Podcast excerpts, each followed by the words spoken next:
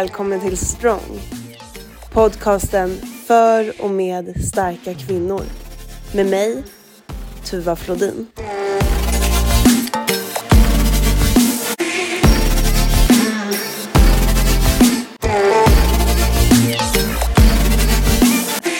Jag startar inspelningen där och jag har funderat på, det här är mitt typ 30 avsnitt, Mm. jag kan fortfarande inte komma på något bra sätt att så inleda för att jag märker när jag klipper ihop det sen, det blir liksom jättemärkligt när jag så här hälsar välkommen. Men jag tänker att jag gör det nu bara Mm. rakt upp och ner. Så får Kajsa, du se vad det går. ja precis. Så eh, Kajsa Holmberg, varmt välkommen till veckans podd. Tack så mycket. Hur mår du? Jag mår bra idag. Eh, och eh, det har varit lite mycket på mitt jobb och lite, lite sådär. Eh, den, alltså, man, det går ju perioder, men idag mår jag bra. Bra Mm. dag, fint väder. Vad Allt ja, eh, precis. Det är ju fint väder. Du befinner dig nere i Skåne nu. Ja, Ängelholm. Ja, härligt. Och där är det lika fint väder som här i Stockholm. Mm, vi har 19 grader sol här nu. Oh wow, vi har 16 så vi är Mm. nästan där. ja, det är att det blåste i förmiddags, så då var det inte så trevligt. Men eh, nu, nu är det helt vindstilla. Mm, härligt. Ja, och eh, jag är ju super, super tacksam att du eh, vill prata med mig idag, för vi ska prata om ett ämne som jag tror att många kommer att uppskatta väldigt mycket och som jag inte känner att jag har så mycket erfarenheter kring. Så jag är Mm. superglad att vi ska eh, dyka ner i det här och framförallt dyka in i, i ditt liv helt enkelt. Mm. Spännande för er. Verkligen, ja men superspännande för, för det här är ju din vardag och det här, nu ska vi liksom komma och, och hälsa på lite grann och se vad som, Mm. Vad vi kan ta med oss här och jag är helt övertygad om att det är supermånga som eh, kommer känna igen sig och som kommer få mycket ut av det här. Mm, det hoppas jag också. Det är därför jag är med. Ja, kan inte Mm. du berätta eh, varför du vill vara med och vad vi ska prata om idag? Jo, men vi ska ju prata om att jag, som så många andra, eh, men att jag är funkismamma. Att jag alltså är mamma till barn med eh, funktionsnedsättningar. Eh, och jag har två barn med ett barn med funktionsnedsättningar. Och jag tycker det är jätteviktigt att belysa detta. Och eftersom du då har en podd för starka kvinnor och om starka kvinnor så jag skulle ljuga om jag faktiskt inte sa att jag själv tycker att jag är stark, för jag vet att jag är det eh, ibland och ibland inte. Men jag har ju också mött så otroligt många mammor och pappor. Familjehem, mormödrar, farmödrar, alltså familjer som kämpar, kämpar, kämpar. Eh, och ofta är det fantastiskt, men inte alltid. Så kan man väl sammanfatta det. Ja, Mm. precis. Och eh, jag tycker ju att det här är otroligt viktigt att prata om och jag tänker att det finns så många olika aspekter att gå in i det här. Hur man ska, eh, liksom, på- vilket sätt man ska prata om det här och på hur man, vilken infallsvinkel vi kan ta. Vi skulle ju kunna Mm. liksom prata om det här från så många olika perspektiv tänker jag. Mm. Absolut, och eh, ofta är det ju så här att när sånt här lyfts till ytan i, ja men alltså i vanlig media och så, då är det ju ofta i samband med att det liksom finns en stor problematik kring det eller att det kommer ett nytt lagförslag eller att, det, att en kommun har gjort någonting eh, liksom jättelagvidrigt, liknande, alltså sådana saker. Och de flesta av oss kämpar ju med mycket. Men det är ju så mycket mer, precis som allt i livet. Mm. Ja, jag tänker att, att det är ju viktigt att lyfta att liksom vardagen i det här. Att det kan inte alltid bara lyftas när det är, ja, som du säger, att det har hänt något eh, supertråkigt eller att det är Mm. liksom, att det ska alltid uppdagas när det är någonting eh, speciellt. Men det här är ju någonting som egentligen håller på hela tiden och något som man bara behöver förhålla sig till i livet som många andra liksom, situationer som sker. Ja, och dessutom så kan det ofta vara så här eh, att man kanske inte heller, allmänheten och ens omgivning är inte alltid medveten om hur mycket jobb eller liksom vad som ligger bakom eh, att saker och ting är fungerande till exempel i ens familj för att man är stark och duktig eh, på liksom hålla igång detta hela tiden. Så därför tänker folk att de har det rätt så friktionsfritt eller ja, att, att liksom ja men det är så bra faktiskt för att jag är så bra på det jag gör. Eller min man. Eller, alltså, och det tror jag att många familjer känner igen sig i. Att eh, det är ju vi som ser till att det funkar. Ja men verkligen. Men okej, vi behöver lite bakgrundsstory. Nu dyker vi in här och du får berätta om hur eran familj och hur det har sett ut hittills. Ja, men jag tänker att vi skulle kunna börja med innan min son föddes. Han är 11 år och han är på Sigge. Och han, när jag väntade honom så jag vet inte, jag hade den där känslan i kroppen av att det var någonting. Um, och när jag var på ultraljud så visade det sig att jag nästan inte hade något fostervatten kvar i, i livmodern. Man vet inte varför och man vet fortfarande inte varför. Eh, och att han var väldigt liten för tiden. Så han föddes för tidigt i vecka 25. Så han kom ut som en liten fågelunge. Han vägde 580 gram och han var 27 centimeter. Det är ungefär så stor en fläskfilé som man köper till en, eh, en eh, familj på fyra personer. Eh, jätteliten alltså. Och i våra ögon helt perfekt. Eh, idag när jag tittar tillbaka på de här bilderna så, så han var ju helt underbar, helt perfekt, men jag förstår, alltså det är fantastiskt vad det här med kärleken hos en mamma och pappa liksom ser förbi, för att jag tyckte bara han såg ut som en miniatyrbebis. Det gjorde han inte, för han såg ut som de, man gör i de här böckerna. Man kan se de här ultraljudsbilderna eller bilder på foster i olika stadier. Det är självklart att han såg ut som ett, ett barn i vecka 25 som skulle ligga i magen. Han var helt genomskinlig. Ja. Men föds man så för tidigt så blir man ofta också väldigt sjuk första tiden och de förbereder en väldigt starkt på detta när man läggs in på NIO. Och det är jag jättetacksam för. Det var liksom aldrig att man ljög för oss, att, eh, så, utan de sa det handlar inte om ifall han får en infektion, det handlar om när han får en infektion. Eh, och det fick han. Kanske på sin tionde dag och då eh, slogs alla organ ut på honom. Och han fick, eh, ja men han låg ju redan i respirator, men liksom han fick sätta till, till precis varenda medel som fanns. Eh, och då sa de också till oss att har ni funderat på eh, om ni vill döpa honom? Och då förstår man ju att eh, okej, okay, det här ska nog inte, det här tror man nog inte på. Ja, det vill vi göra, så vi ringde en god vän till familjen som var präst som kom i ilfart tillsammans med mina föräldrar och med min, min mans eh, mamma. Och så hade vi ett jättefint litet nöddop som det kallas. Men han hämtade sig från detta eh, mot alla odds, men var ju fortsatt väldigt sjuk. Och sen efter två veckor så behövde han operera hjärtat. Och, ja, det var liksom så här hela tiden. Eh, och sen när han var, ja, men vad hade vi kanske kommit in i vecka 30, i graviditetsvecka 30, fast då utanför magen, så skulle vi flyttas till ett annat sjukhus. Som man gör, man flyttas hem. Vi skulle lämna intensivvårdsavdelningen. Vi hann bara vara på det andra sjukhuset i, eh, i drygt ett dygn.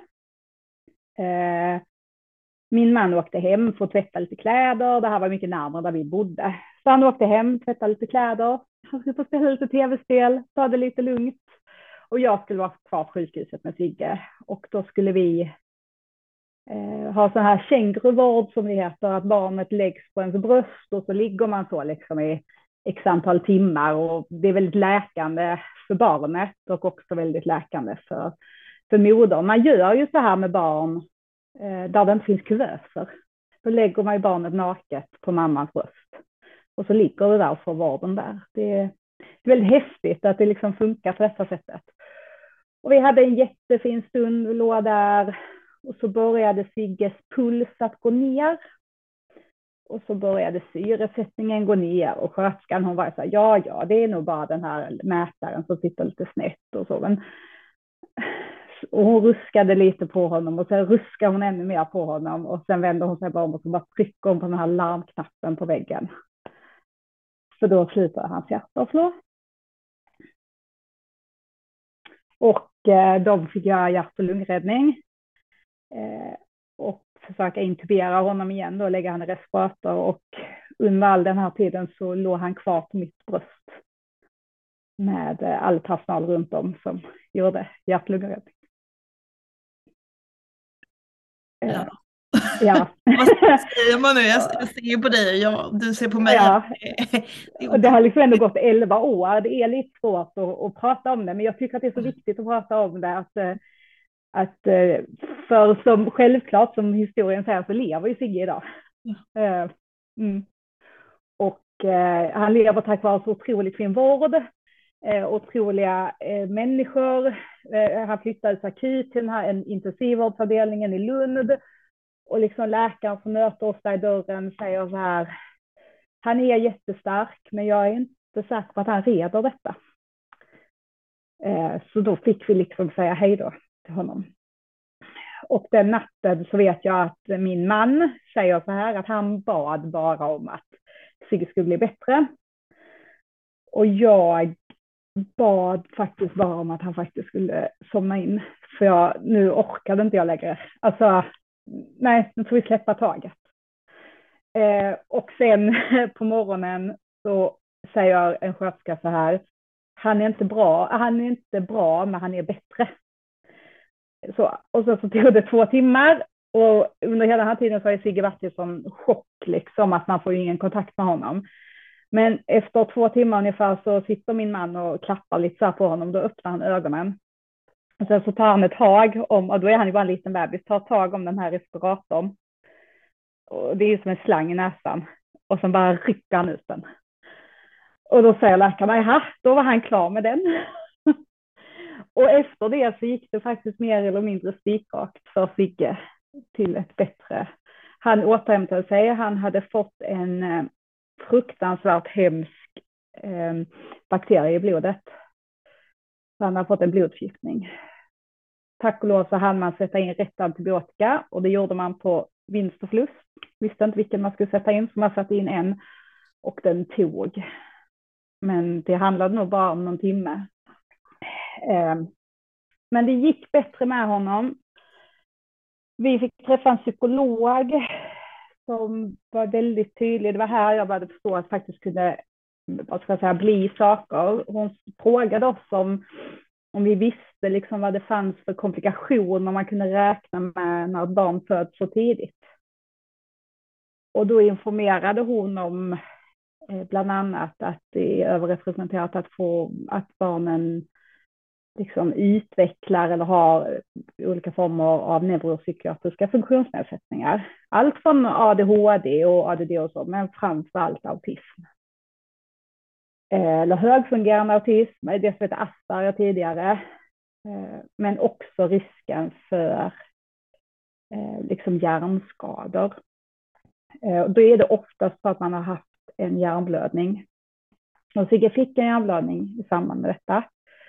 Men den släppte och liksom lämnade inga, inte vad man ser synliga spår. Och sen efter några månader, Sigge föddes i augusti, han skulle vara född runt första advent.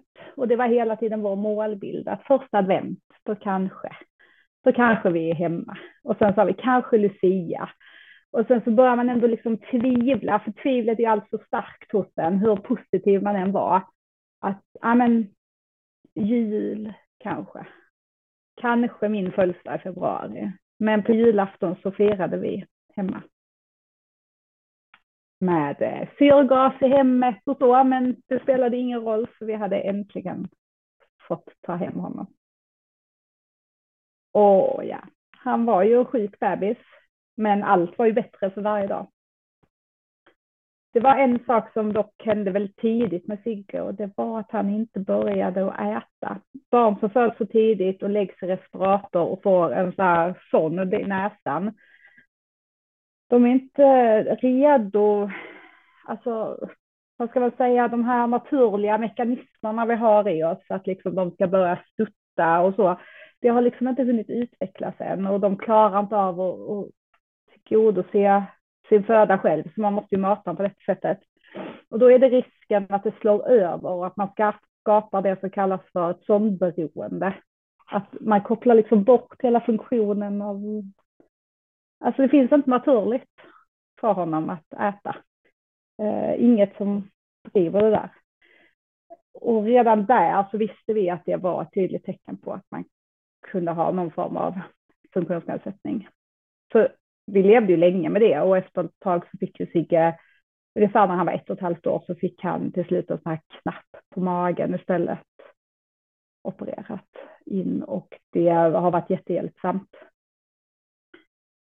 Och så mm, successivt, alltså hela tiden att det hela väga, är, är detta är detta på grund av att du är eh, för tidigt född eller är det någonting annat? Alltså man ställer de här frågorna hela tiden. Men i fyraårsåldern, när jag väntade vårt andra barn, så började vi märka sådana tydligheter hos Sigge som kanske inte var likt andra fyraåringar. Mm. Så då började de faktiskt att utreda honom. Och han fick diagnosen autism till att börja med. wow, vilken eh, vilken, eh, ja, hur säger man, hur säger man när man får höra något sånt här? Hur, hur reagerar andra? Ja, men lite så ofta med den här tystnaden. Eh, ofta får man höra så åh, åh, jag skulle aldrig klara av detta. Så, men jag, jag tänker på någonting som min mamma sa. Hon sa, Kajsa, du får inte mer än du klarar av. Det finns ändå något där. Och då är inte min mamma någon människa som tror på någonting direkt så, alltså varken speciellt spirituell eller troende.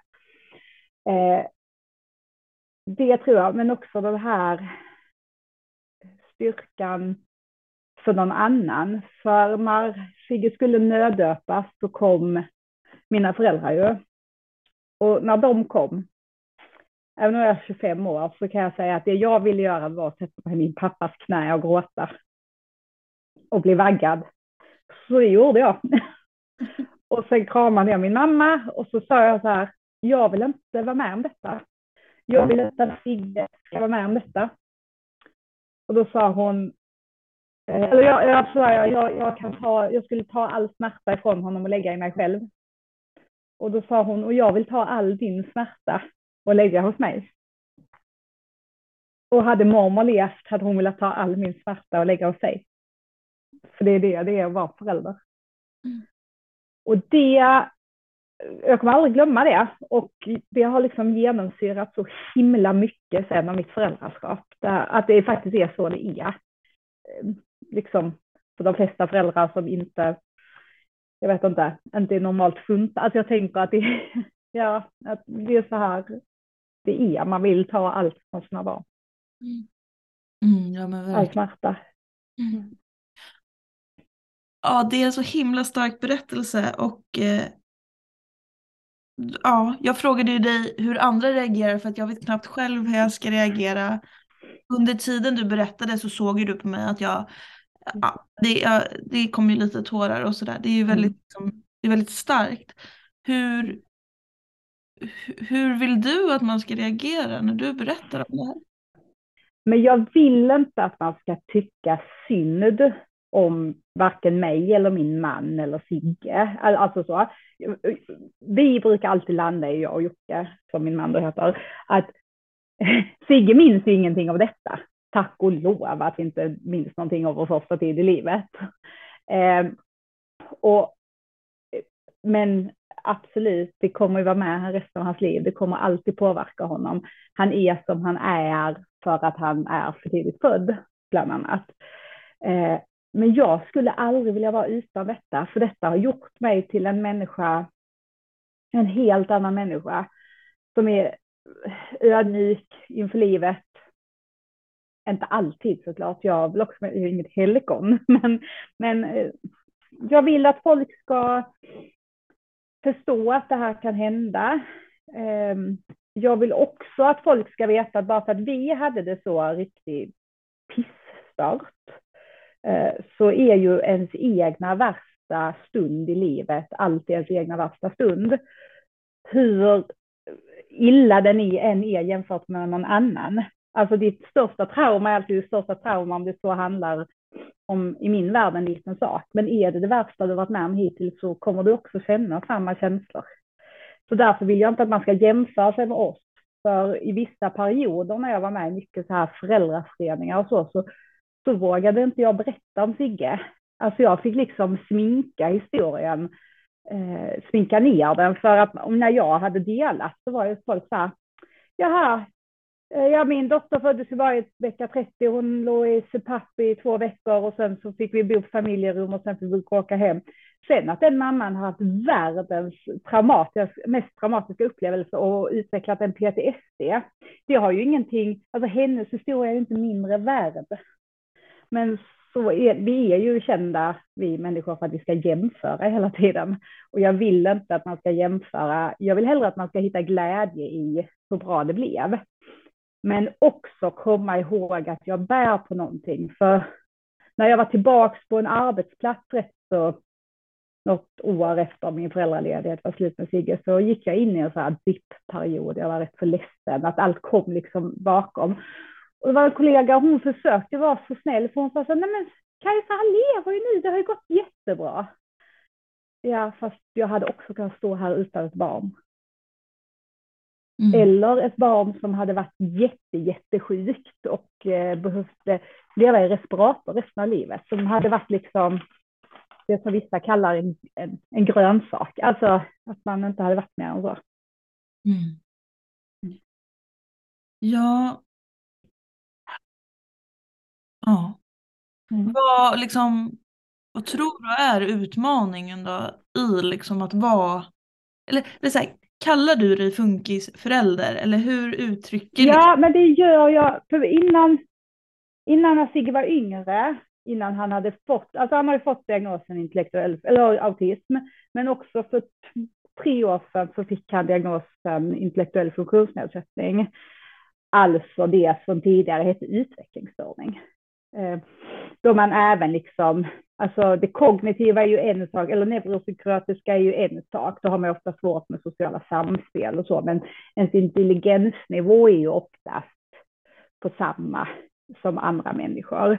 Eh, man, man liksom anses inte mindre intelligent, eller, alltså det handlar mer om den sociala biten och så.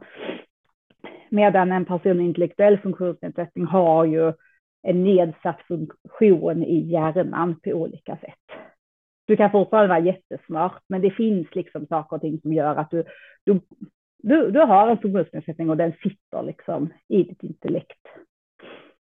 Eh, så, så, det har han ju också. Eh, men innan så, rätt så länge så tog jag och, och, och försökte, ja men jag, jag identifierade mig som prematurmamma. För att så mycket av Sigges liv hängde på att han faktiskt var prematur väldigt länge. Han hade syrgas väldigt länge och eh, alla kontroller och så var liksom hela tiden baserat på att han var för tidigt typ född. Men nu, eh, liksom sedan några år tillbaka, så spelar det mindre roll. Eh, nu när han är så stor. Att eh, liksom, ja, det är fortfarande anledningen till att han är så, men det spelar inte så stor roll när vi kommer in till sjukhuset. Då är det viktigare för mig att berätta Sigge har autism, han har intellektuell funktionsnedsättning. Ställ inte för mycket frågor till honom och var tydlig med vad du gör. Men fråga honom inte. Säg inte, Sigge, är det okej okay att jag sticker dig nu? Han kommer ju givetvis säga nej. liksom, ja. mm, bemöt honom och fråga inte om han vill ha en glass. Han äter, han äter ingenting genom munnen. Alltså, de här sakerna. Så ja, jag identifierar mig väldigt mycket som funkisförälder.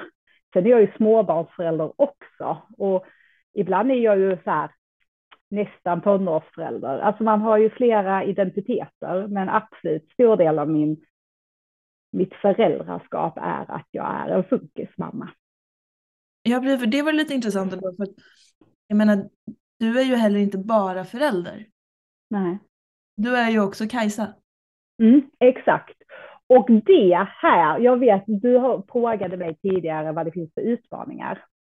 Och det är definitivt en utmaning. Att få vara bara Kajsa.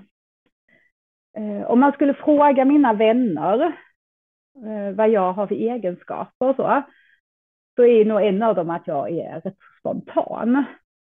Liksom extrovert. Eh, älskar när saker och ting händer.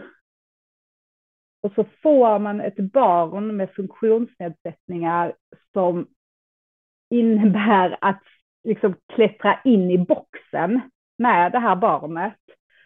För att om inte, jag är, om inte han är i boxen så funkar inte livet och helst behöver jag vara inne i den boxen också. Och han är introvert eh, och han är liksom inte spontan och han vill liksom att allt ska vara som det ska vara det är en fruktansvärd balansgång. Och det är inget jag njuter av. Alltså jag njuter av att vara med min son, men jag, jag, jag, jag har ju behövt ändra på mig. Mm. Hur har du hanterat den här äh, balansgången då? Kan du liksom, hur, äh. hur, hur jonglerar du liksom Kajsa som mamma i den rollen mm. och Kajsa som Kajsa, bara dig. Jag tänker du har säkert fler roller i livet. Du mm. eh, jobbar, du är eh, sambo eller fru eller liksom. Ja. Du har, ja men gud, jag har så många personligheter och så allt går in i varandra. Men, men just där, alltså det här, jag trodde aldrig att jag skulle säga detta, men idag förstår jag det. Jag fick lite hjälp på vägen kan vi säga. Jag gick in i väggen. Och eh, det är fruktansvärt från utmattningsdepression och att vara, vara så utmattad som jag var efter att under så många år bara pushat iväg, bara kört på, bara sprungit, sprungit, sprungit och sen så bara var det som att man hade den här Alltså jag jämförde lite, du vet i Vänner så har ju hon Monica, Monica har ju en, en, en garderob som ingen får öppna för där är all skit och så är hela lägenheten perfekt. Den lägenheten var mitt liv, men det fanns också hela den garderoben och den bara öppnades en dag och bara rakt över mig. Och det tog jättelång tid när jag fattade liksom hur illa det var och inte för man har fattat kan man börja jobba med sin, med sin utmattning. Så jag var ju hemma, jag gick hem sista veckan i augusti och kom tillbaks på fulltid i juni året på. Mm. Um, men det idag kan jag se att det hjälpte mig. Eh, nu. Det har ju tagit några år, men att, att det gjorde också att där lärde jag ju mig. För innan var det hela tiden att jag gjorde det för, för någon annans skull. Nu måste jag även lugna mig för min egen skull och kanske ta och plocka ner ibland. Eh, en bitter sanning när man går in i väggen är, och det här vet alla som har gjort det, när du måste bara plocka bort, så måste du tyvärr alltid bara plocka bort bland det du tycker är roligt. För det som är nödvändigt och roligt är ju aldrig samma sak. Alltså vi kan göra en jätteenkel grej. Det är nödvändigt att kanske gå till läkaren med dina barn. Men du vill hellre gå till Liseberg. Eh, men Liseberg kommer att äta upp så mycket energi av dig att du inte kan gå på ditt läkarbesök. Ja, vad, vad, gör man då? Bokar man av läkaren som man väntar på i tre månader eller bokar man av Liseberg? Ja, alltså, jag skulle ju vilja säga gå på Liseberg, men det kan jag ju inte. Mm. Gamla Kajsa hade gjort det. och tänkt att det löser sig. Det gör vi. Vi gör både och. Det går, det går. Och så, den här liksom eh, flåset. Jag hade, jag hade hjärtklappning i, i ett år och mm. bara vet att jag satt på jobbet och tänkte så här, detta kan vara tecken på att gå in i väggen, men jag har inte tid med det nu. Jag gör det efter sommaren. Du går in i väggen efter sommaren. Ja, ja, alltså att jag liksom till och med, och inte ens det kan, då, men då är man redan så körd i hjärnan så att det är liksom, det är för sent att backa. Du har liksom, Du hade är väg schemalagt, eh, schemalagt din utmattning. ja, eller liksom på något sätt, eller sköt fram snarare. Liksom Ja. så här. Och kanske efter sommaren så har, mår jag ändå lite bättre. Alltså det, mm. Så det hände. Eh, Och det gjorde mig i slutändan, tror jag, till en bättre mamma kanske, men kanske bättre en, en bättre Kajsa. Mm. Ja, Och också ja, det här att hela tiden veta att vad fan finns inte jag där? Vem finns där då? Ja, givetvis min man också. Eh, det ska jag inte förringa. Han är en jättebra pappa och en jättebra make. Eh, vi lever liksom, ja men just det här med bördor och så, så relativt jämställt i alla fall. Alltså, men man har bara sig själv, alltså till sist. mm, Eh, Mm. verkligen. Ja, men ehm, precis. Finns det några andra utmaningar? Jag tänker så här, det behöver inte vara... Mm. Jag förstår ju att, att en av de största utmaningarna är att man är ju inte bara förälder, man är ju så mycket Mm. mer. Men Mm. finns det några specifika utmaningar just med att vara funkisförälder? Det behöver inte vara så här bara i ditt fall, utan det kan vara om det är något du ser generellt. Mm. Jo, men absolut. Jag, det finns några så som jag eh, liksom känner igen när jag pratar med andra föräldrar. Och vi kan väl börja med den här samordningsrollen.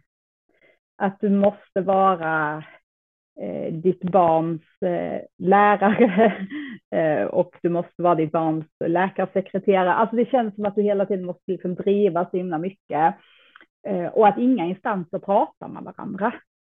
Förutom när det känns som att man, jag vet inte, när, det liksom är på det negativa hållet. Men, men just det här att hela tiden behöva ringa och samordna och inga kan prata med varandra. Och då pratar vi inom sjukvården, samma region. Det här bara, "Nej, men snälla någon, han ska sövas nu, han behöver göra dessa, dessa proverna, kan ni liksom remittera och göra det?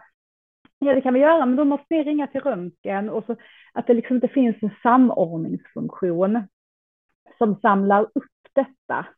Eh, om en vuxen person blir sjuk, vi säger i cancer, så får de allt som oftast en kontaktsköterska på den avdelningen som man skrivs in på. Som också hjälper en, inte i allt såklart, men i mycket att kunna samordna kontakter så att du faktiskt kan fokusera på att bli frisk.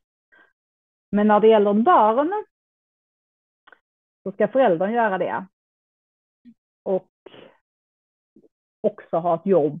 För jag menar den här kontaktsköterskan är ju faktiskt av, alltså är ju på lön för att göra detta. Det är ju hennes jobb. Men mitt jobb är ju då att gå till jobbet och att ta hand om mitt barn och eh, eh ta hand om mig själv. Och vårda mina andra relationer. Sam, och bilda opinion som jag gör här idag. Att liksom vilja Ja, men det finns så himla mycket. Dels ser all, jag har inte träffat en enda förälder som har sagt att jag tycker att det byråkratiska är så enkelt. Det har jag inte träffat någon som säger. Eh, eh, samhällets bild av funktionshindrade eller liksom funktionsnedsatta personer överlag och olika funktionsvariationer. Eh, jätte, jättesvårt. Väldigt så här, när man säger så här, ja men mitt barn har autism. Ja, ja, och så tänker de direkt så här. Jag känner också en kille som hade autism. Han gillade bilar jättemycket, men annars var allt jättebra. Han bara, mm, kul för dig. Jag har en svart hund. Alltså det är liksom, vad, vad säger det egentligen om, om, om mig? Eh, den bilden. Och det finns, det finns ju också det här att hela tiden folk säger så här, alltså det är rätt så kallt klimat i sociala medier. Eh, när någon, ja men det var en artikel i, i en tidning häromdagen om en journalist som hade, har en son med ett rätt så annorlunda funktionshinder som då inte får någon tilläggsdiagnos. Jag kommer inte ihåg vad det var, men då är ändå liksom kommentarsfältet så här. Ja, alla ska ha en diagnos nu för tiden. Hur klarade man sig förr? Men va? Vad menar ni nu? Den, den mentaliteten finns en rätt så tråkig mentalitet kring funktionshinder. Och också att syns det inte så finns det inte. Det är ju eh, det. Och ha barn som har funktionshinder likt Sigge och eh, andra barn med samma. Jag har en, en, en släkting som har down syndrom och jag och hennes föräldrar har pratat mycket om detta. Att eh, om vi är på ICA, för ett exempel, och hon liksom beter sig annorlunda än normen, så förstår alla varför. För det syns på henne. Medan Sigge, det är typ så här, vad är det för en ouppfostrad ungjävel? Alltså, få han att vara tyst. Det är lätt att döma sånt vi inte ser. Det, det, det här är en utmaning eh, som jag delar med många föräldrar. Och den sista, för jag hade fyra. Den sista är att vara en vanlig mamma till ett syskon med en stora syster eller lilla syster eller storbror, lillebror med, funktionsnedsätt, med en funktionsnedsättning. De kallas för skuggsyskon. Och det är rätt så, ja, de lär sig tidigt att anpassa sig. Siri som är Sigges lillasyster, hon är sex år. Hon är den finaste lilla tjej man kan tänka sig. Hon eh, utmanar sin bror jättemycket. På ett bra, alltså som syskon ska. De slåss och de retas. Och, ja. Men hon vet också var hans gränser går och vad han behöver. Och det är så jävla ledsamt också på något sätt. Att, att se att en sexåring backar tillbaks själv i saker och ting för att hon ser att sin 11-åriga bror eh, behöver något annat. Mm. Eh, och då vill både jag och min man säga att vissa stunder absolut att Siri, Sigge fatt, alltså han förstår inte vad vi menar i detta, men det gör du, du är så duktig. Alltså att vi försöker anamma, men ibland har vi också bara sagt att Siri, du behöver inte, du behöver inte backa i detta. Alltså hon måste ju också få vara sex år. Mm. Mm. mm. Hur, ehm, för du nämner det på, på affären exempelvis. Mm. Mm. Hur liksom, vad, vad, är, vad har du för känslor när en sån här grej händer? Vad känner du när du märker det här från andra? Hur mm. reagerar du? Jag, eh, jag skrev ett inlägg om detta på Facebook för några år sedan som liksom delades rätt så mycket. Att om du, alltså alla har ju sett det någon gång. Man är på Ikea i matsalen där och så är det något barn som verkligen tappar det och så tittar man och så ser det här är ett rätt så stort barn och, och mamman står där och hon torkar och det är liksom något syskon som springer iväg och eh, ja, och det kvittar egentligen om det är funktionshinder eller inte. Men sluta stirra. Alltså det är det första. Men ännu mer, sluta, loss, alltså sluta hålla på som att, att det inte skulle ske. Det är en så himla enkel grej. Man kan bara gå fram och säga, du jag ser att det är lite kämpigt nu, är det någonting jag kan göra åt dig? Ehm, eh, um, kan jag hämta servetter? Ska jag, liksom, är det någonting jag kan göra? Och det är jättestor risk att den mamman eller pappan som är med om detta då nästan fräser. Men, det, men liksom, det, bli inte kränkt då. liksom försök hjälpa. Det är ett jättefint exempel för några år sedan och det var Sigge nog bara i femårsåldern fick ett sånt riktigt utbrott. Det tillhör inte vanligheten numera, men då. Där liksom, det gick inte att få kontakt med honom. Jag hade en hel korg med varor. Och så säger jag ändå så här till Sigge, liksom, och han ligger och krälar på golvet och jag försöker få upp honom i famnen. Och liksom, vi, vi måste gå ut Sigge, kom. Och då är det en herre som bara liksom så här, liksom tar mig på axeln. Och jag bara tänker, vad är det för någon idiot som ska störa mig nu? Så säger han så här, vill du att jag går och ställer tillbaks varorna till dig eller vill du att jag följer med till kassan så du kan betala så packar jag påsarna till dig. Ja, det var fint. Mm. Jag blir så rörd av det för att, för att han visste exakt han såg ju inte liksom Sigge som en bortskämd unge som bara skrek och inte kunde hantera det. Han såg en mamma som kämpade något så fruktansvärt och det var det finaste liksom. Och jag sa det, ja, jag behöver ju handla, men då går vi till kassan, sa han. och jag bara blippade kortet och han var packade och Sigge höll ju på med liksom det här att han, att han gjorde det och det är så fint. Men det är också en av de få gångerna. Eh, där är jag jättetacksam. Min man är alltid så om han ser någon. Han går alltid fram och frågar, vill du ha hjälp? Eh, och att om man som är funkisförälder inte har en tuff stund med sitt barn just då, man, man känner igen det, man får vittring. Man ser så här, det där är en liten Sigge, det där också. Kom, våga säga det. Du, jag har också, kan jag göra någonting? Att hitta gemenskapen. De flesta människor vill ha hjälp och frågar man så tackar man oftast ja. Det är ju det här att be om hjälp mm. Eh, som är det svåra. Ja, mm. är det något som du tycker genomsyrar, eh, är det vanligt att man inte vill be om hjälp? Mm, man eh, har ju en bild i Sverige, konstigt nog, att man liksom på något sätt skulle vara misslyckad av att be om hjälp och att man är liksom att man genomsyras av att eh, ensam är stark och det borde vi väl veta vid det här laget att det är vi inte alls. Eh, och ändå läser vi Bamse för våra barn varje kväll och, och liksom det är det enda han pratar om, att man måste liksom hjälpas åt och ändå så kan vi liksom inte ta med det. Eh, liksom, det, mm, det, det, är konstigt det där. Eh, men det är svårt, men det finns ändå jättefina säkra communities man har med andra funkisföräldrar där det en, faktiskt det enda gemensamma vi har är att vi har barn som eh, är utanför normen på något sätt. Och det är så skönt att bara kunna få vara i det.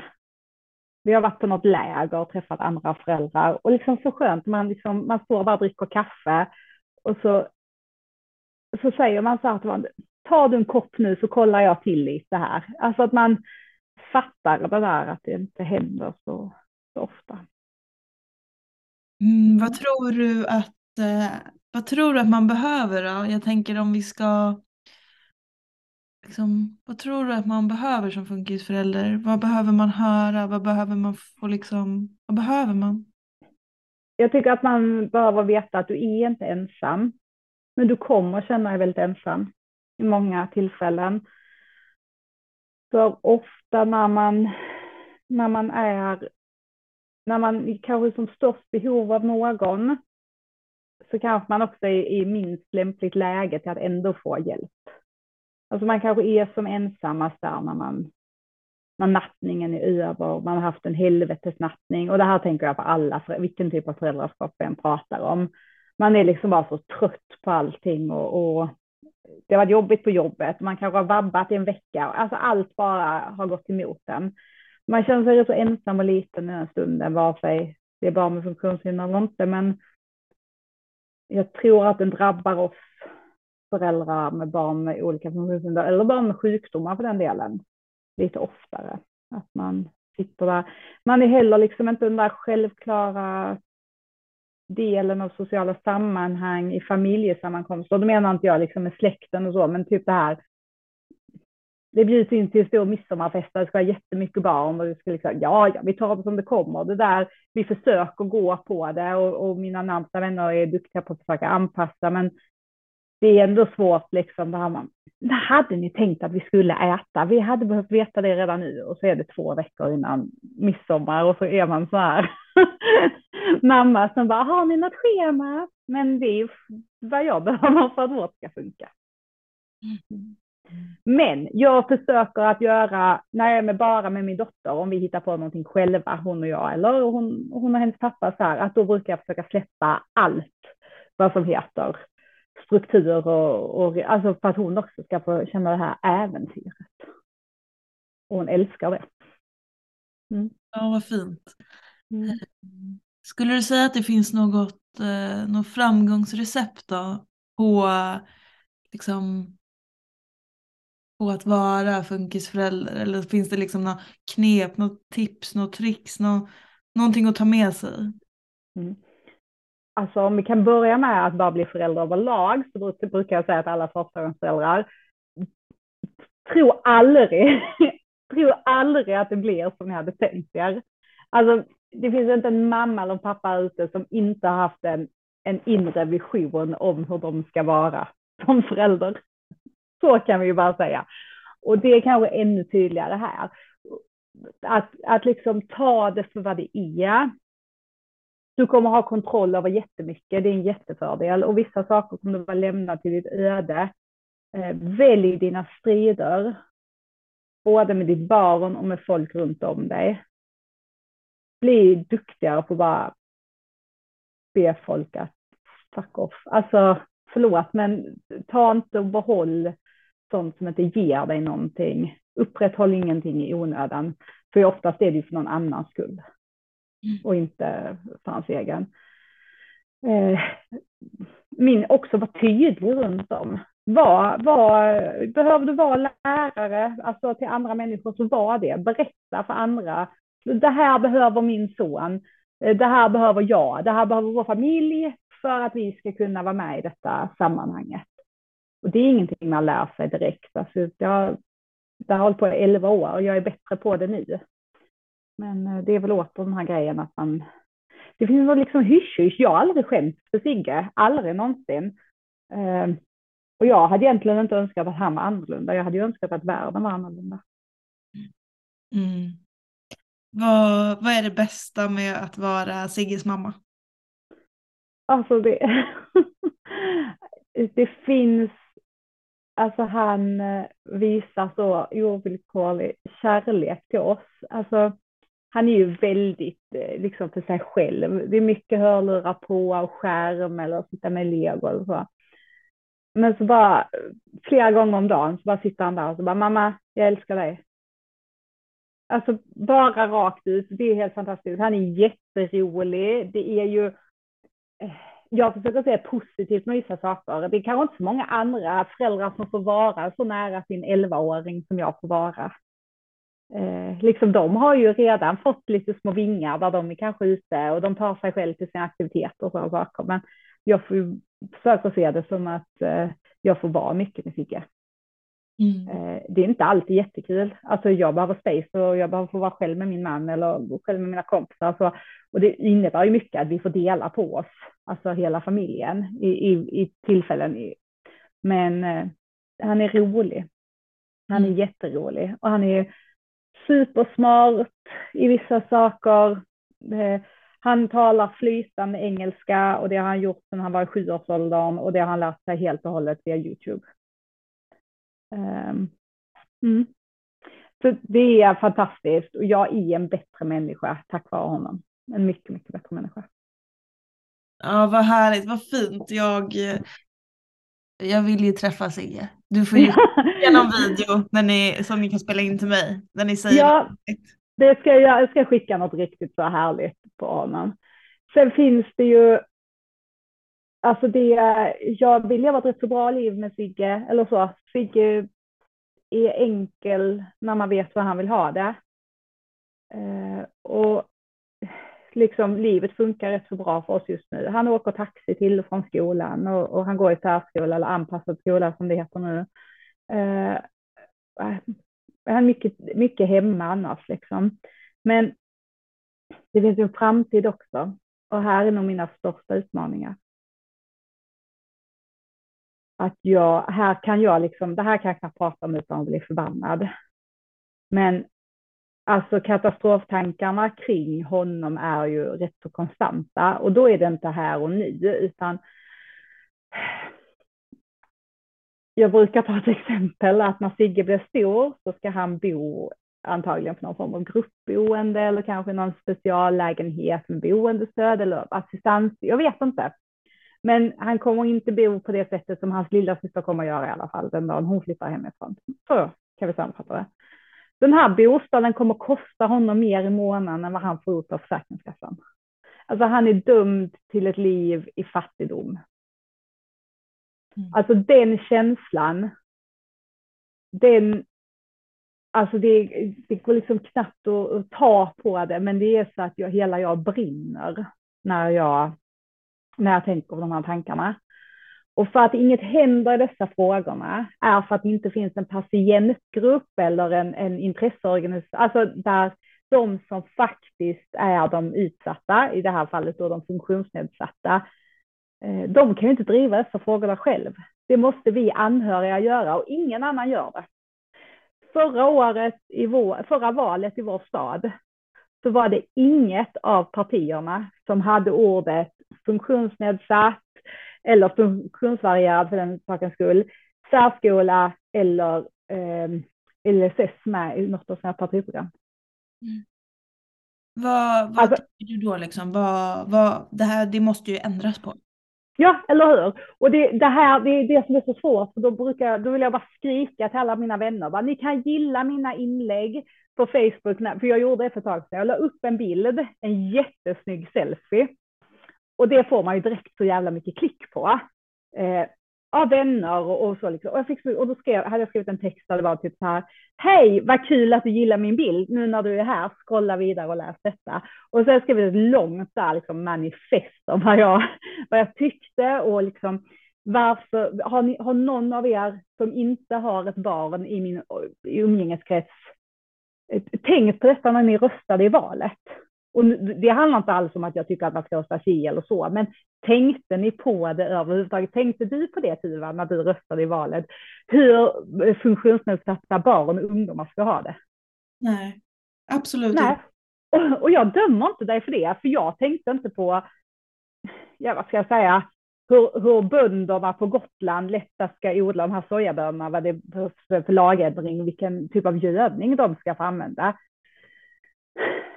men det här är liksom en grupp som, som kommer att bli mer och mer av i samhället. Dels för att vi, vi har dels med att göra eh, med att vi räddar barn som föds för tidigt. Men de liksom är funktionsnedsatta. Alltså det finns jättemycket parametrar till att det ökar en viss del av, av liksom funktionshinder i, i samhället. Men också att vi har en annan acceptans. Ja, men det är mycket så. Och att folk som tidigare inte fick diagnoser får det idag. Och det handlar inte om att man, man är mer generös med diagnoser. Det handlar om att man är duktigare på att ställa dem och duktigare på att fånga upp folk. För jag tror att alla vi, speciellt vi som är födda på 80 och 90-talet, hade någon sån där person i klassen som man tänker att det var inte riktigt, eh, det var inte det som man då förr i tiden kallade för dampbarn, men någonting var det. Och idag i vuxen ålder har han eller hon fått en autismdiagnos. Och då bara föll allt på plats. Just det, mm. så kan det vara. Och den fick rätt anpassningar och kan klara livet. Mm. Så hur ska man göra nu då? Nu är det mina hundar här som går bananas. eh, men jag vet inte, men jag tänker att man ska, man, eh, man ska titta kanske lite i hur man röstar. Hur styrs det i, i landet? Eh, hur, men man kan också börja med småsaker i sin vardag. Att börja öppna, lyft blicken.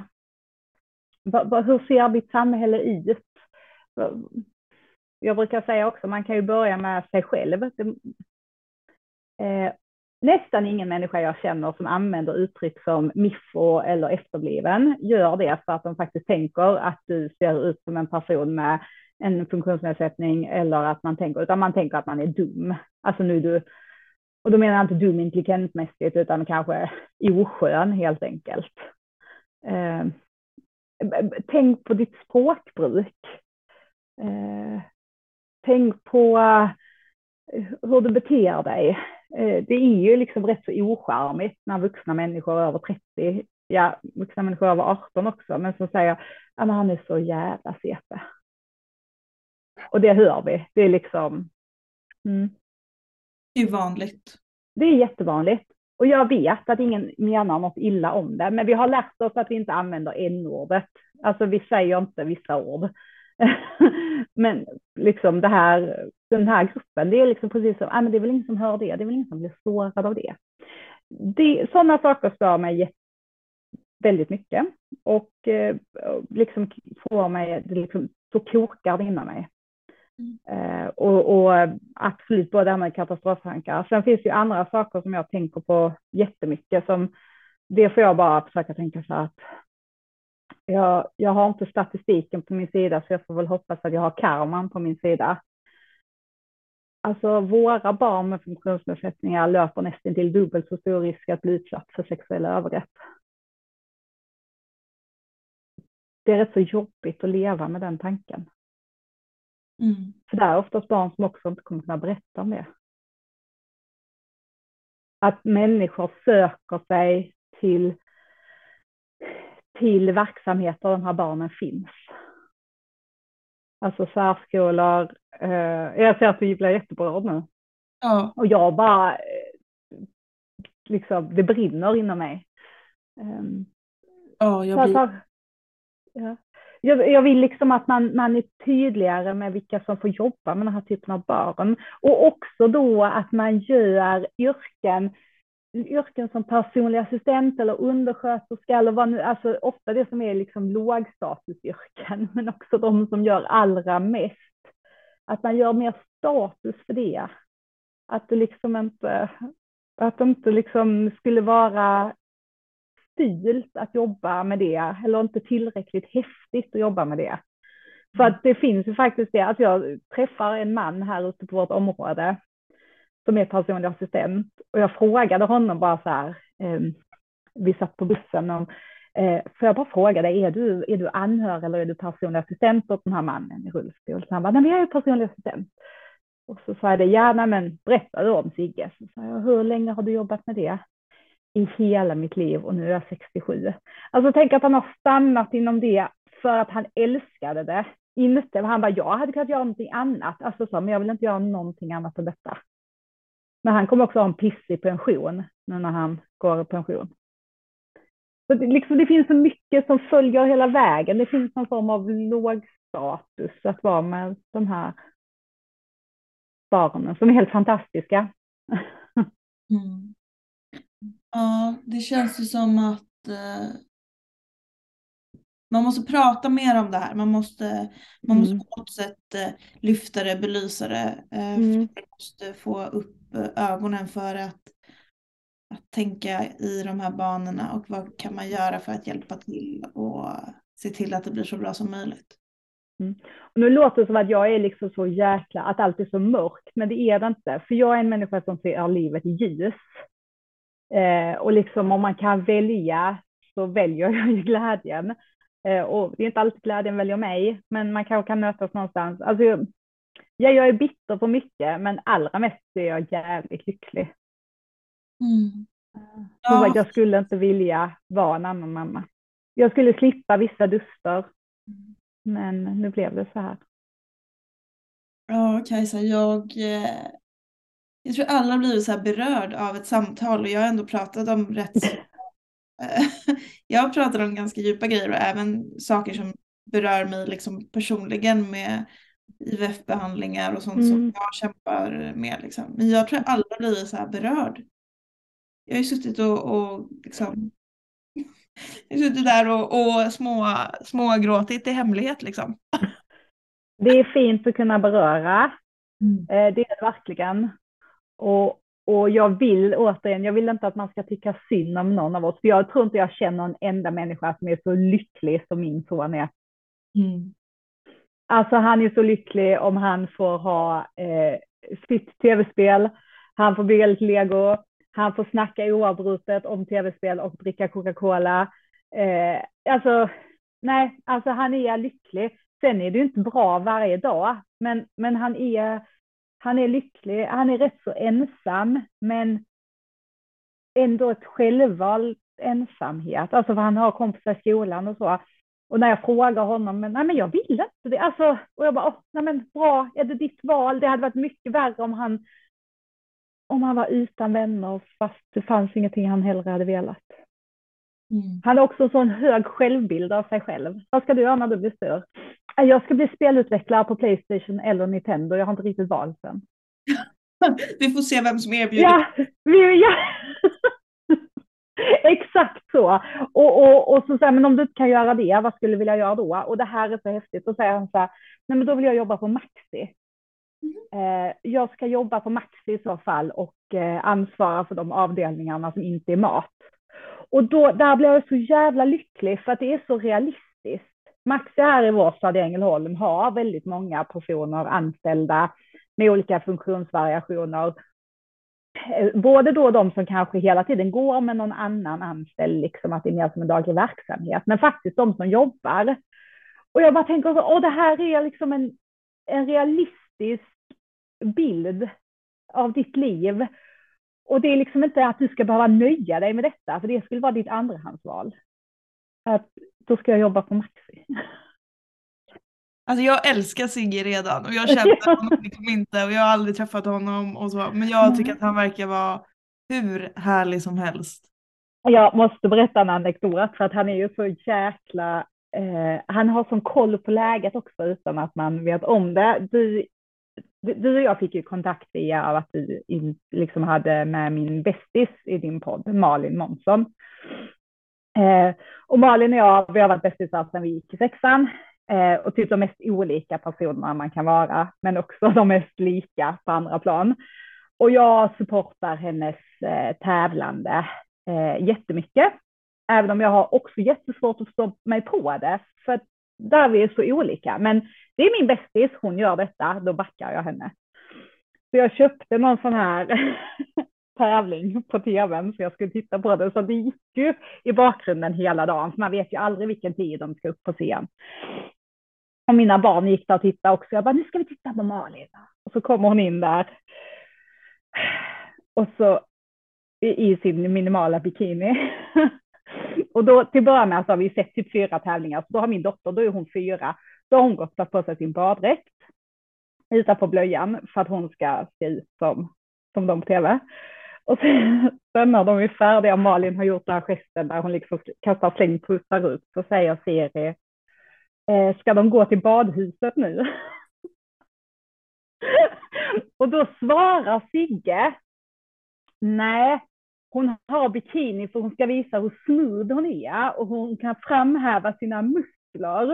Eh, och, så här. och jag bara, hur vet du det liksom? Eh, och hon har inte varit på semester för hon är så brun utan de har sprayat henne med färg. Då hade han liksom koll på det och jag har ingen aning om hur. Men han har antagligen överhört mig, alltså när jag har pratat med Malin i telefon. Men just att han bara tycker att hon är så jävla korkad. Nej, hon ska inte till badhuset. Hon, hon ska visa hur smooth hon är. Alltså det är klockrent. Det är så jävla mm. snyggt svarat. Mm. Mm.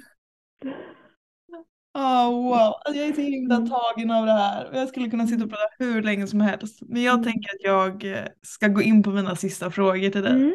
Mm, absolut. Gud, badhus. Ja. Tänk om man hade bikini i badhus. Det hade varit, ja. eh, det hade varit så häftigt. Ja. oh, vad roligt. Mm. Okej. Kajsa, finns det någon kvinna som inspirerar dig och i så fall varför? Det är lite kul att jag ställer den frågan till dig, för du har ju varit svaret på den här frågan. Ja, alltså jag ska bara säga att jag blev så, jag blev så jävla tagen när hon sa det. Eh, för att eh, jag trodde typ att hon antingen skulle svara någon, någon atlet eller typ så här, Britney Spears, nej men alltså du förstår vad jag menar, någon, någon, någon så här, alltså någon, någonting, alltså bara, mm. eh, liksom så här, ah, men hon går alltid sin egen väg eller ja, vad, vad som helst liksom. Och så bara, så säg, och hon hade ju ändå hintat om det liksom, men det blev så här, uh, som någon högg mig eh, rakt i hjärtat med världens största kärlekspåle. Eh, det var fint. Eh, och absolut att jag skulle vilja ge en tillbaka-kaka till Malin. Eh, och det gör jag nu på ett visst sätt. För jag har faktiskt två svar i detta. Eh, det första jag skulle bara säga att jag hade en, en låtsasfarmor, kan man väl säga, som hette Valborg, som var den absolut mest fantastiska kvinnan i hela världen. Eh, som tog hand om mig och mina syskon när mina föräldrar jobbade. Hon tyckte att det var tramsigt att vi skulle gå på förskolan, så då kunde vi lika vara med henne. Eh, hon hade inga egna barn eller barnbarn, så det var vi som var det för henne. Och eh, hon var med mig, hon hann träffa Sigge Eh, så det sista fotot på henne och mig är när hon håller Sigge. Eh, och hon var över 90 när hon dog och den mest, alltså hon var så jävla stark. Hon var den första kvinnan i Ängelholms kommun som körde moped. Eh, och hon hade en egen korvkiosk för att hon ville ha en egen business. Och ja, nej men så här, hennes man när han gifte sig frågade han så här, vill Valborg ha barn eller vill hon jobba? Jag vill jobba. Det finns, man behöver inte ha barn själv. Det finns andra barn som behöver en. Så hon var fin. Och min dotter är döpt efter henne, Siri Valborg.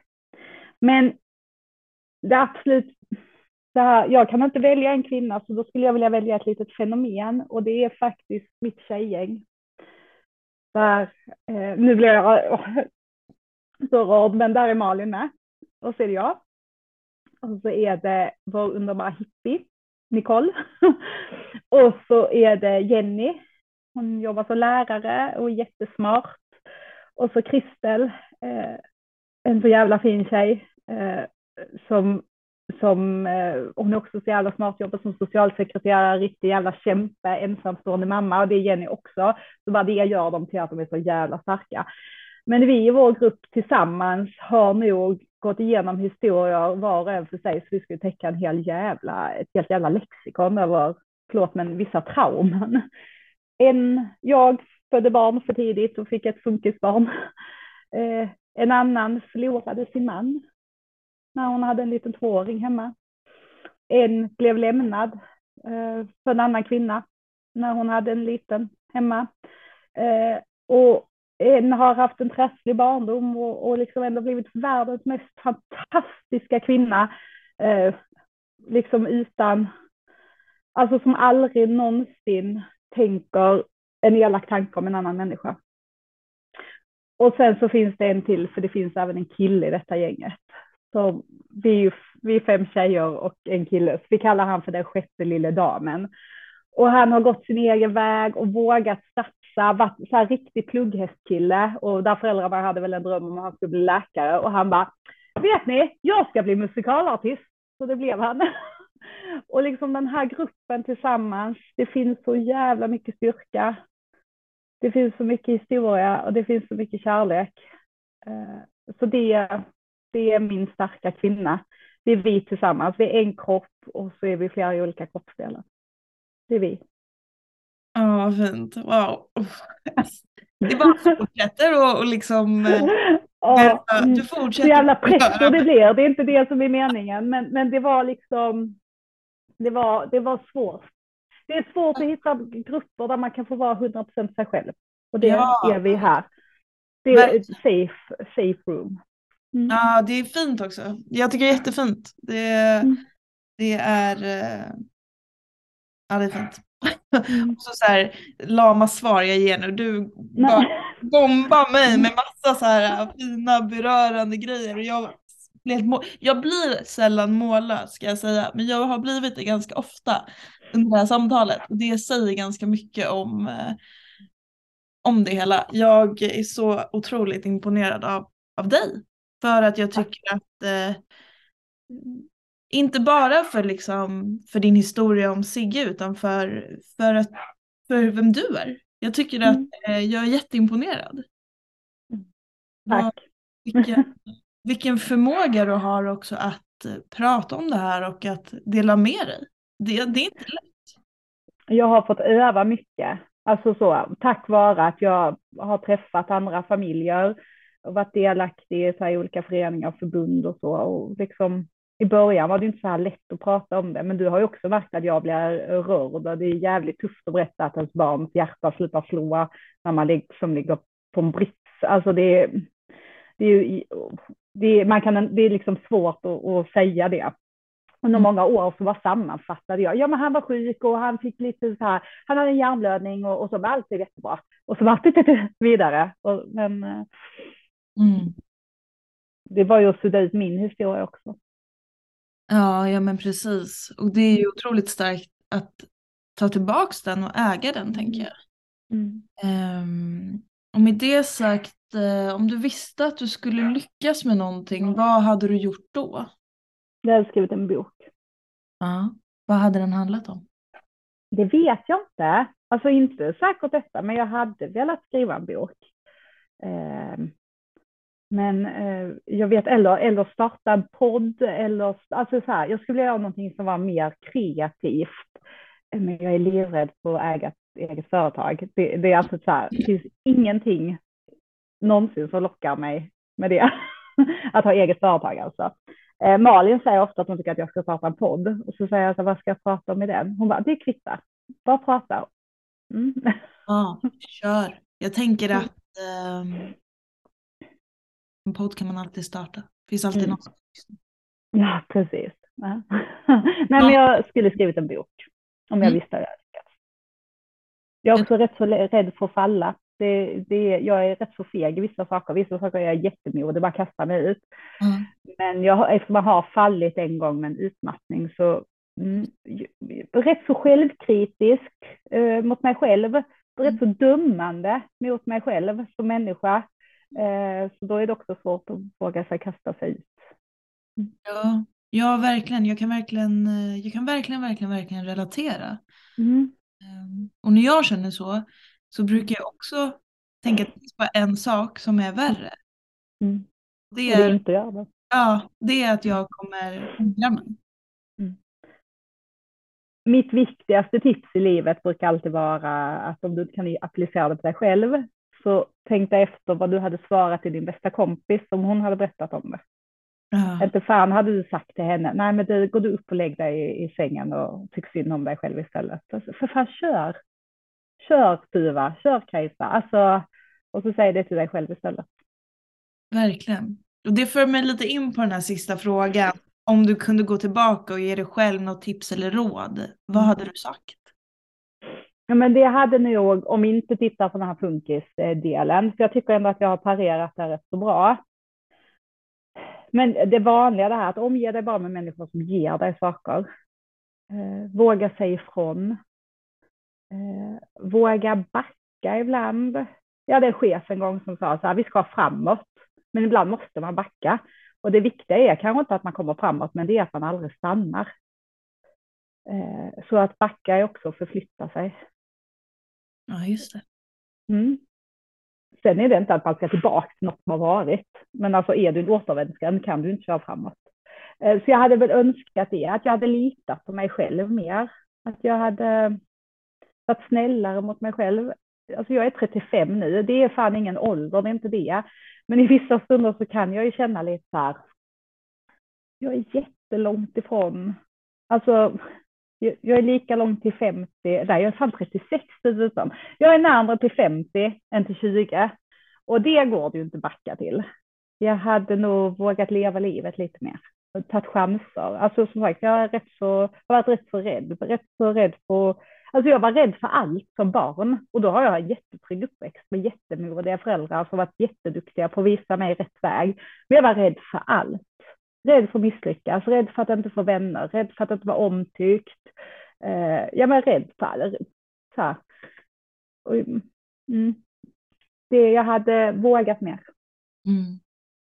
Ja, vad fint. Jag eh, brukar avsluta här, men jag har en, en fjärde fråga som jag har börjat ställa nu lite så här i smyg, mina, Mm. mina gäster. Mm. Och det är något så enkelt som, vad är din favoriträtt? Mm. Det godaste du vet. Ja, alltså jag skulle vilja säga pasta. Alltså jag älskar pasta i alla former. Men alltså mitt enklaste tips är nog faktiskt en macka. Alltså jag skulle bli så jävla ledsen ifall jag blev glutenintolerant. alltså eller de skulle, du får inte äta, man, nej men alltså mina mackor. Alltså, och då menar jag bara en enkel jäkla eh, skinkmacka. Eller, liksom, eller en god macka. Jag tänkte en sån riktig god surdegsmacka med avokado och kalkon och lite eh, cream cheese. Alltså gott, eller en bagel. Alltså det går ju att applicera på, alltså en macka. Mm, En macka. En macka. Vad måste finnas på en macka? Alltså är det någon... Ja, smör. Ja. Alltså, ja, det går ju med cream cheese eller så, men alltså det är inte så här torrt. Alltså min mamma äter inte smör eh, och har aldrig gjort eh, för att hon inte tycker om det. Det finns liksom ingen så här fettfobi eller någonting så i det. Utan, men alltså det är så jävla torrt. Mm. Fy fan. Och så får det aldrig någonsin, alltså för mig, det får aldrig vara leverpastej eller kaviar. Då är det kört. Jävla äckligt. Och så ska inte mackorna vara konstiga. Det ska inte vara sådana, nej men du vet så här macka så, och det är både då eh, kyckling och sen så är det eh, picklad, eh, någonting som är picklat och sen så är det en hummus och sen så är det det och sen så är det lite ägg och så är det, alltså man bara, men för fan ge mig en ost och skinkmacka med lite grönsaker på ett riktigt gott bröd och så en kopp kaffe till det och så är jag så jäkla nöjd med livet. En stödmacka. Ja. Mackan innan man går och lägger sig. Mm. Ehm, mm.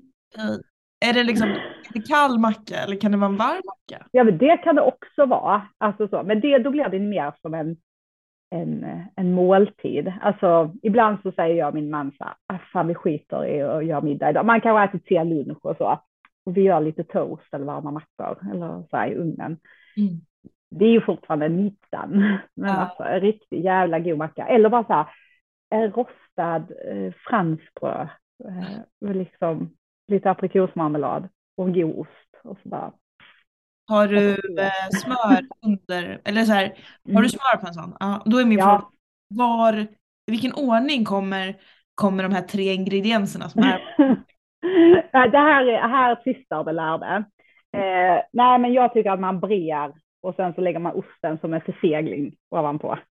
Bra. Eh, för att om osten ramlar av Mm. så har du ju för fan marmelad överallt. Eh, Ja. Du kör alltså marmeladen under osten? ja, smör, marmelad, ost. Nej, nu, nu kände jag Nej, men titta, jag- jag- Det är lite som det här med knäckemackan. Ska man liksom bre det på sidan med, med hålen eller inte? Det finns en jätte, jättebra förklaring. Man ska bre den på det med hål för då hamnar det smör mellan och man får mer smör. Ja, men det säger ju vissa. Men då brukar jag ju säga så här, om du har en fralla Mm. och så delar du den, vad brer du den på den sidan det är frön då? Eh, Det är ju ovansidan. det gör man ju inte. Det, nej, det hade varit superkonstigt. Ja, precis. Men nu ut efter detta, är det någonting så här, folk får göra som de vill. Det är liksom, jag tror världen är mycket, mycket bättre ifall vi inte bryr oss mycket och bara trycker folk i boxar. Så vill du ha smör på ovansidan av din fralla eller på din, eh, ditt knäckebröd så är det okej med mig. Det är kanske lite utanför normen, men vem är jag att döma? Det viktigaste är att de har smör på helt enkelt. Ja, om man gillar det. Om man inte är min mamma då, vill säga, som hatar smör. Hon berättade för mig när hon var gravid så hade hon varit på en fest och så hade de fått jättegoda egengjorda wienerbröd och hon sa att de var så himla goda. Eh, så hon fick receptet och så lagade hon dem och de var ju fortfarande lika goda. Men när hon insåg hur mycket smör det var i dem, det är ju det ett wienerbröd är gjort av, eh, så hade hon liksom fått typ så panik och gått och plockat upp dem ur frysen och gått ner och matat fåglarna med dem. så mycket tycker hon illa om smör. Ah, Och jag som älskar smör tycker smör är det bästa som finns. Ja, alltså jag med. Och liksom när någon kommer med något jävla lätt och lagom eller någonting, man bara, vad är detta? Dumheter. Ja, vad är detta för någonting? Men va- eh, whatever floats your boat. Exakt. Mm. Man ska vara snällare mot sig själv och mot andra. Alla har ju någon sån skämsrätt också, det brukar jag fråga folk. Det kan du ha. eh, Ja, Ja, ja men man säger så här, vad är din skämsmat? Alltså någonting som man liksom tycker är så jäkla gott. ja. Men man, man tänker, nu är du vuxen så att du kanske liksom inte... Ja men det kan vara allt från så här, ah, men alltså bara snabbmakaroner med ketchup. Alltså det kanske man inte stoltserar med på, i matlådan i, på jobbet. Nej. Och jag tror att alla har någonting sånt. Alltså min är definitivt så här Billys panpizzor. Alltså jag köper ju inte det idag. Men alltså det finns något, det, alltså. Det finns ju mat som är godare men det finns ändå någonting med det, liksom någon tonårsgrej. En kollega berättade vad hennes man åt när hon var hemma.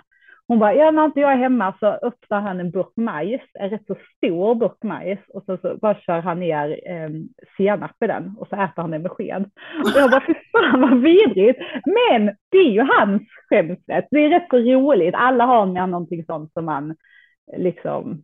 Men gud, jag har inte ens tänkt på det här. Det är så Nej. bra. Jag måste börja fråga den frågan. Ja, vad är din skämsrätt? Och sen så måste man landa i också att du ska inte skämmas. Nej. Eh, om det inte typ är ål du äter, för det tycker jag att man kanske ska skämmas över att man äter, alltså av ett rent naturperspektiv, eller så här. Men, men- eller att du liksom äter, nej men jag vill äta det här jätteutrotningshotade djuret, till exempel som ålen. Nej, skäms, shame on you, men inte annars, är det en panpizza, så vad fan. Vi har ju också, vi har ju en tid där vi liksom, allt handlar ju om mat och sociala medier Mm. äter man rätt eller äter man fel och det är rätt för dig och det, men det är fel för mig och den får äta kolhydrater men den experten säger nej till kolhydrater. Eh, Mm. och bara få leva lite också. Det är så roligt. Jag måste fråga folk om deras skämsrätt. Jag har aldrig tänkt på det. Mm. Så kul. Vad, Ja, men jag, jag kan bara säga tack. Tack för Tack. allt jag har fått eh, av dig i det här avsnittet och jag hoppas verkligen att, eh, att du har fått med dig någonting också. Ja, men det har jag verkligen fått. Det är fint att få prata om det som ligger närmst en. Det är det faktiskt. Tack snälla. Tack själv Tuva.